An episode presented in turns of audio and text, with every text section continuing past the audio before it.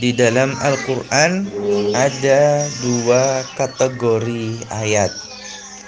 Minhu ayatun muhkamatun wa ukharu mutasyabihat. Kategori yang pertama ayatun muhkamat. Yaitu yang jelas makna dan tujuan maksudnya. Teks ayat Al-Quran jelas makna dan jelas tujuannya. Yang kategori kedua, ukharu mutasyabihat. Ayat mutasyabihat, ayat yang tidak jelas makna dan tujuan maksudnya atau multi tafsir.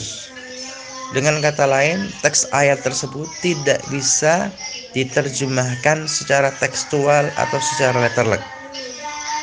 Mungkin yang mirip dengan ini adalah dalam bahasa Indonesia dikenal dengan istilah majaz. Contoh dalam bahasa Indonesia, anak itu kutu buku. Maknanya, anak tersebut suka membaca, bukan berarti anak itu beneran jadi kutu. Contoh lain, suaranya menggelegar membelah langit.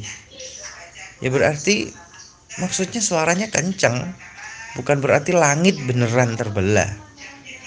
Dalam bahasa Jawa juga kadang ada monggo mampir ten gubuk kulo. Maksudnya yaitu tawadhu, bukan berarti beneran orang itu tinggal di gubuk.